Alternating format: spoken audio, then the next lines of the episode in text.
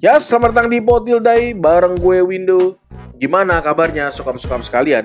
Mudah-mudahan dalam keadaan yang sehat ya, dan tentunya tetap semangat. Edisi kali ini gue mau melanjutkan edisi yang sebelumnya kita sudah sharing juga ya. Kalau boleh gue kilas balik sedikit, memang di masa COVID-19 ini kita banyak menemui situasi yang serba sulit.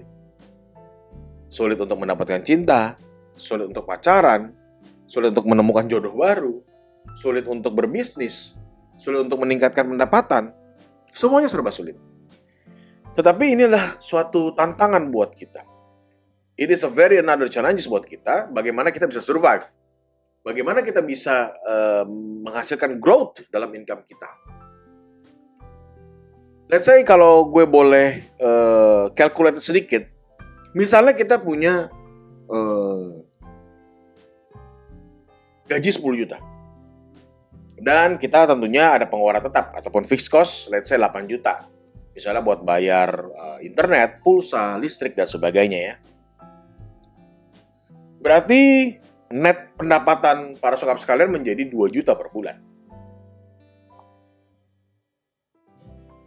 Kalau kita menabung secara periodik dan secara komit selama 12 bulan, yang gue namakan sistemnya adalah yang sering gue sebutin juga adalah dollar cost averaging. Itu by the end of year itu akan menjadi 24 juta plus plus. Plus plusnya itu apa? Plus plusnya itu adalah ditambah lagi dengan interest yang didapatkan dan juga sistem compounding. Jadi pokoknya udah tambahin interest tadi akan bertambah kan modal modalnya untuk yang dibungakan kembali. Tapi nanti lah ya kita bisa akan bahas di sistem compounding di berikut di edisi-edisi berikutnya. Ataupun bisa di googling karena banyak sekali literasi edukasi terkait sistem compounding tadi. Untuk para sokap yang mungkin uh, lebih nyaman untuk secara konservatif, ah gue lebih baik gue uh, berinvestasi di deposito saja. Monggo. Deposito sekitar bunganya sekarang atau interestnya sekitar 2 kok sampai dengan 4% maksimum maksimalnya. Kalau gue pribadi, gue nggak nggak kurang serak ya dengan hanya mendapatkan 4% selama setahun. I have to earn more. And then that's why I wanna share this topic, this edition to you guys. Survival mode. Bagaimana kita bersurvive masa pandemi ini, tapi nggak cuma survive, tapi tentunya bisa mendapatkan pendapatan lebih dari income kita. Hmm, sorry, dari gaji kita ya, ataupun dari pendapatan kita. Ada banyak cara sebenarnya untuk melakukan investasi. Bisa di pasar keuangan atau uh, instrumen keuangan, uh, financial instrument. Bisa juga di bisnis, misalnya beli franchise, buka resto, buka coffee shop, dan sebagainya. Tetapi gue kali ini mau men-sharingkan soal financial instrument, yaitu di pasar keuangan. Selalu gue bilang kalau dalam berinvestasi, don't put your egg in one basket. Jadi jangan taruh kita punya uang dalam satu basket, tapi kita buka beberapa basket, kita buka beberapa keran ya, beberapa keranjang. Kenapa gue ngomong keranjang atau keran? Artinya kalau kerannya mampet, karena kita punya lima keran misalnya, kita punya empat lainnya yang bisa menghasilkan. Kalau gue ngomong keranjang, kalau kita punya lima keranjang, satu keranjangnya habis, kita pasti punya empat keranjang lainnya. That's why gue mau sharingin ini ada lima instrumen keuangan yang mau gue sharingkan yang kebetulan memang gue investasi di sini dan hasilnya itu bagus. Kalau sokap-sokap boleh lihat, boleh merenung, boleh introspeksi, berapa sih gain yang didapatkan ataupun growth yang didapatkan dalam bulanan misalnya. Apakah bertambah naik nggak? Atau kalau misalnya let's say mau mau lihat secara tahunan berapa tahun eh sorry berapa besar growth-nya selama setahun? Apakah sokap-sokap merasa puas atau malah ingin earn more? Nah, di sini gue mau sharingin tadi 5 pasar keuangan yang gue anggap ini lumayan membantu untuk um, meningkatkan kita punya income, kita punya growth. Yang pertama pasar saham. Gue bermain di pasar saham ini menggunakan 40% of my capital. 40% daripada capital gue, modal gue. Kenapa? Karena gue udah tahu nih pasar keuangan pasar keuangan ini terutama saham karena gue dari 2008 sudah sudah nyemplung di sini.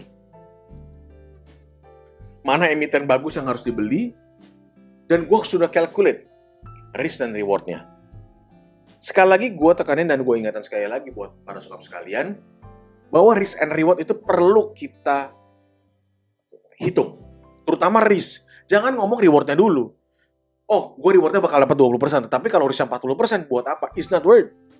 But if kalau risknya cuma 10%, tapi gue punya reward 20%, it means double, gue akan ambil. Ya, jadi tolong para sokap sekalian, ketika melakukan investasi, hitung risknya dulu. Pertimbangkan risknya matang-matang. Jika tidak bisa di-accept oleh kalian, ya jangan diambil. Di pasar saham secara jujur kalau kasarannya gue mendapatkan gain sekitar 20% growth-nya. Menarik bukan? Tetapi ingat, kalau pasarnya bagus ya, kalau pasarnya jelek kan pasti secara averaging-nya akan naik turun. Oleh karena itu, gue akan akan membalancingkan itu atau rebalance dengan beberapa pasar keuangan yang lain. Nah, yang kedua adalah soal reksadana. Gue menggunakan pasar reksadana, sorry, pasar lagi. Instrumen reksadana ini adalah 20% daripada capital gue only 20%. Kenapa? Karena tadi 40%-nya gue akan main di saham sendiri. Kalau reksadana kan kita menitipkan ke manajer investasi mengelola keuangan kita.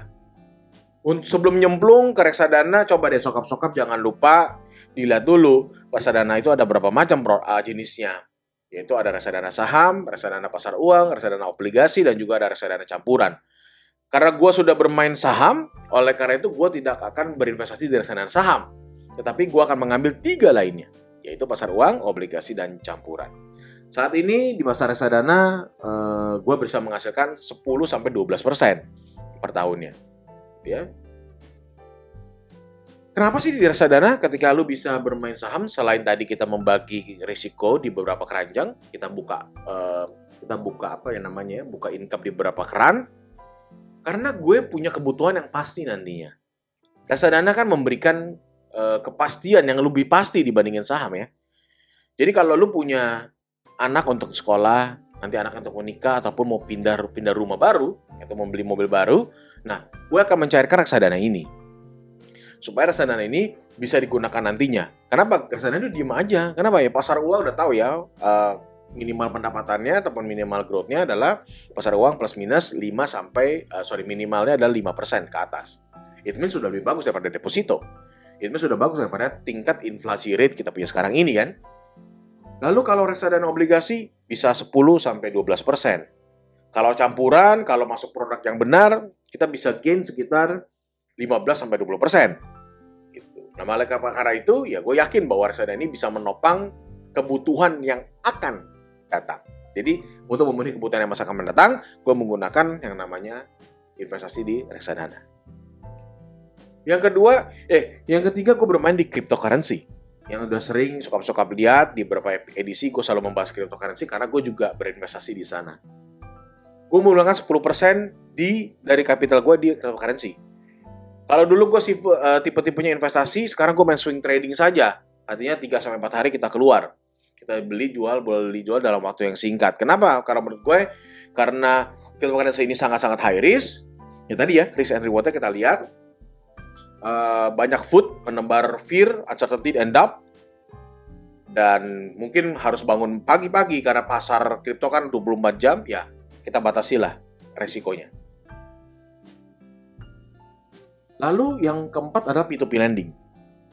P2P lending gue menempatkan 10% daripada uh, apa capital gue juga. Kenapa? Karena ya selain untuk membantu UMKM ya mungkin kan ada juga yang P2P lending yang uh, apa membagikan modal kita, meminjamkan modal yang kita telah kita tanamkan untuk uh, kredit produktif. Artinya untuk kredit untuk berusaha, untuk membuka bisnis atau untuk menjalankan bisnis. Dan gue juga bermain di sana. Dapat bunganya sekitar kalau interestnya adalah hmm, bisa mencapai 20 sampai 24 persen per tahun ya. Tapi itu high risk juga, jadi ya batasi juga risikonya. Dan yang terakhir di instrumen yang kelima ada robot forex. Ya, yang tadi gue pernah sharingin juga dari sebelumnya, itu menggunakan less than 10% daripada capital gue. Karena ya gue tetap tetap tetap uh, memikirkan bahwa takutnya ada money game, ada posisi game ya nanti tetap gue jaga di sana risikonya. Tetapi kalau bagi sokap-sokap yang sudah percaya dan yakin terkait instrumen ini ya monggo. Tidak ada larangan sama sekali untuk investasi yang lebih besar di suatu instrumen yang sokap-sokap tentunya sudah menguasai. Mudah-mudahan apa yang gue sharingkan uh, di survival mode saat ini, bagaimana kita survive, tentunya earn more money, kita punya bisa ada growth income. Mudah-mudahan bisa membantu sokap-sokap yang lagi mencari uh, keuntungan ataupun peningkatan daripada pendapatan sekarang ini. Jangan lupa selalu hitung risk and reward-nya sebelum kita nyemplung di suatu instrumen keuangan. Kalian, teman-teman sekalian, sokap-sokap sekalian bisa nyemplung di pasar saham, reksadana, cryptocurrency, P2P lending, ataupun di rapot forex. Pilihlah instrumen keuangan yang sesuai dengan risiko yang bisa di oleh sokap-sokap sekalian.